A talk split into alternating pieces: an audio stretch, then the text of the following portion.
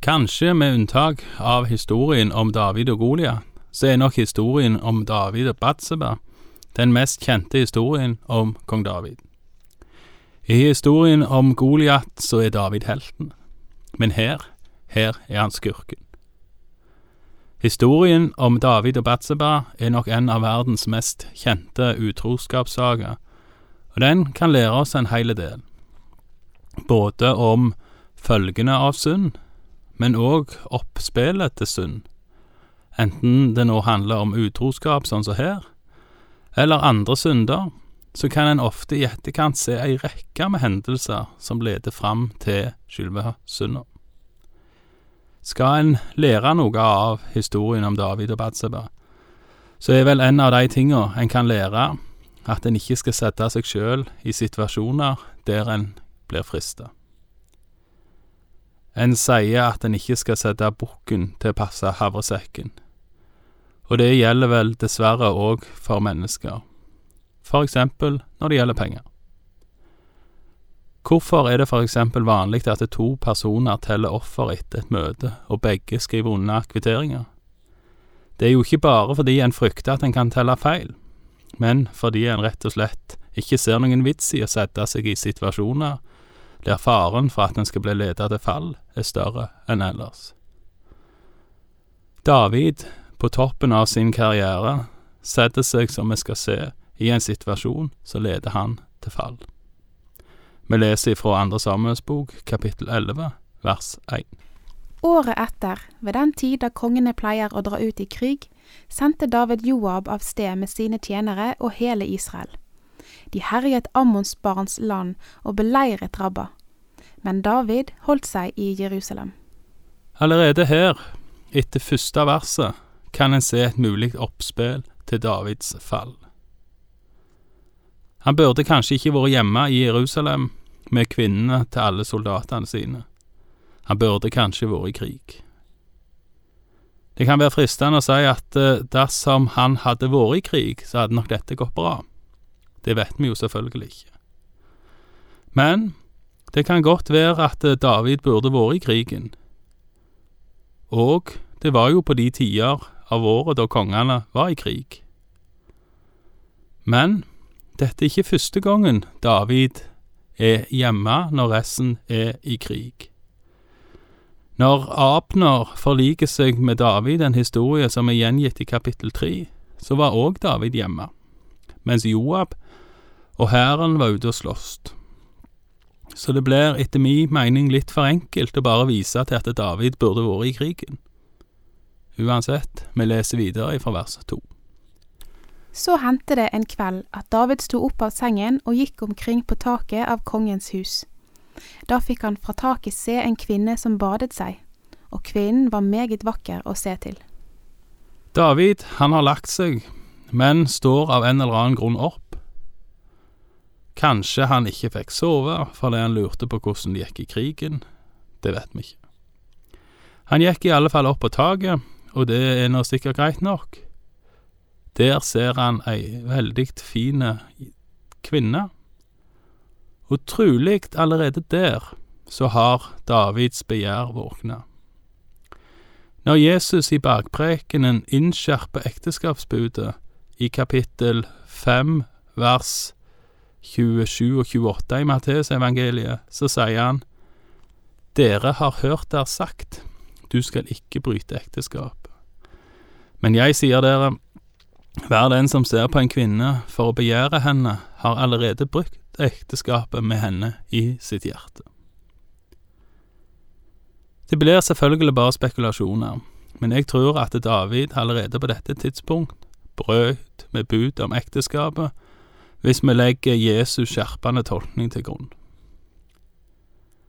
Og nå begynner David å spørre seg for hvem dette er. Det hadde vært spennende å snakke med de folka som han spurte da, for å høre hva de trodde var grunnen til han spurte. Var det vanlig at kongen spurte om sånne ting, sånn at de ikke tenkte noe mer over det? Eller tenkte de på Davids hoff allerede når han spurte om akkurat henne, at her var det et eller annet som var på vei til å skje, som ikke var greit? Vi leser videre fra vers tre. der David får klar beskjed om at hun er gift.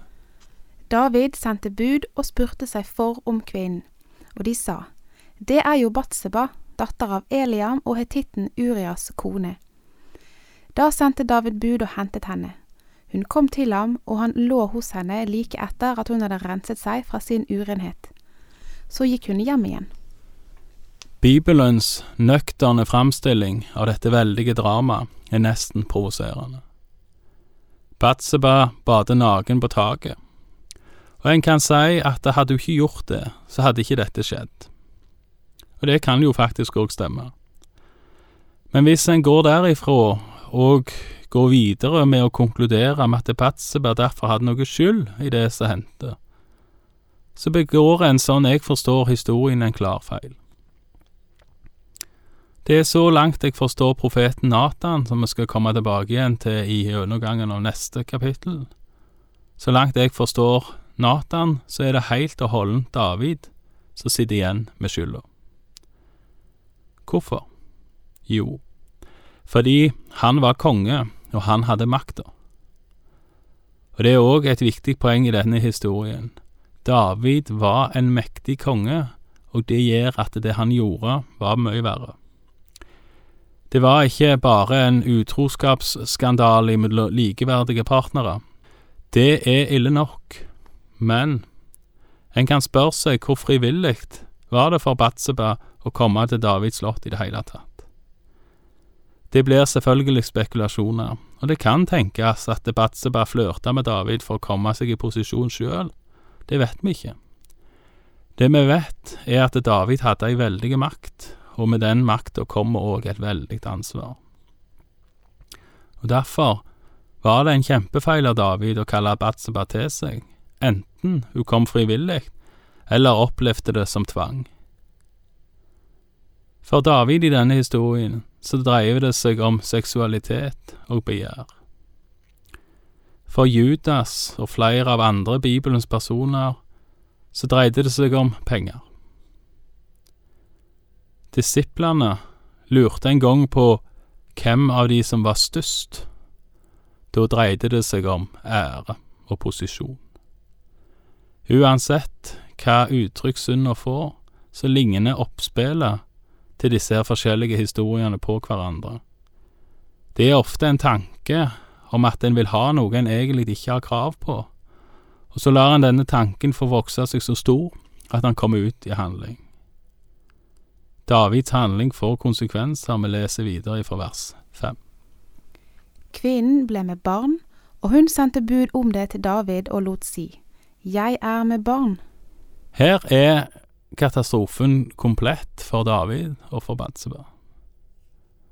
Men en kan kanskje reflektere over hva David har foretatt seg i mellomtida.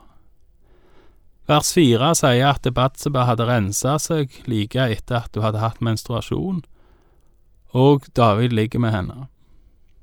Så må det vel gå ca. en måned før hun finner ut at neste menstruasjon uteblir, og at hun da finner ut at hun er gravid. Kanskje har det gått noe mer tid, men det må nesten uansett ha gått noen uker før Batseba konkluderer med at hun er med barn, og at hun derfor sender bud på David. Det er litt interessant, for det sier noe om Davids karakter. Eller kanskje mangel på karakter i dette tilfellet. Det kan nesten virke som at eh, dersom hun ikke var blitt gravid, så hadde David kanskje ikke gjort noe mer med saken. Og det blir jo feil. Det er ikke sånn at en bare er utro hvis noen finner ut av det. På samme måten som det er galt å stjele selv om en ikke blir tatt. Eller det er galt å kjøre for fort selv om en ikke får fartsbot, for å ta et kanskje mer vanlig eksempel. Men nå har David et problem som kan bli offentlig kjent, og derfor setter han i gang en dekkoperasjon som er rett og slett tragisk ifra ende til annen. Vi leser ifra vers seks. Da sendte David dette bud til Joab. Send hetitten Uria til meg. Og Joab sendte Uria til David. Da Uria kom til ham, spurte David ham om det sto vel til med Joab og med stridsmennene, og om hvordan det gikk med krigen. Så sa David til Uria, Gå ned til ditt hus og vask dine føtter. Og da Uria gikk ut av kongens hus, ble det sendt en gave etter ham fra kongen. Men Uria la seg ved inngangen til kongens hus sammen med alle sin herres tjenere, og gikk ikke ned til huset sitt. Da det ble meldt David at Uria ikke var gått ned til sitt hus, sa David til ham, Kommer du ikke fra reisen, hvorfor er du da ikke gått ned til ditt hus? Men Uria sa til David, Arken og Israel og Juda bor i løvhytter, og min herre Joab og min herres tjenere ligger i leir på åpen mark. Og så skulle jeg gå inn i mitt hus og ete og drikke og ligge hos min kone. Så sant du lever, så sant din sjel lever, dette gjør jeg ikke. Da sa David til Uria, Bli her, også i dag, så vil jeg i morgen la deg fare. Og Uria ble i Jerusalem den dagen og dagen etter. David bar ham til seg, og han åt og drakk hos ham, og David gjorde ham drukken. Om kvelden gikk han ut og gikk til sengs sammen med sin herres tjenere, men til sitt hus gikk han ikke ned. Jeg tror at den lojalitet som Uria viser til David, til Davids hær og til Joab, det må ha gjort veldig vondt i Davids samvittighet. Hvis ikke, så burde det kanskje ha gjort det. Men David, han gir seg ikke. Han skal dekke over det han har gjort. Det får vi komme tilbake igjen til seinere. Takk for i dag, og Herren være med deg.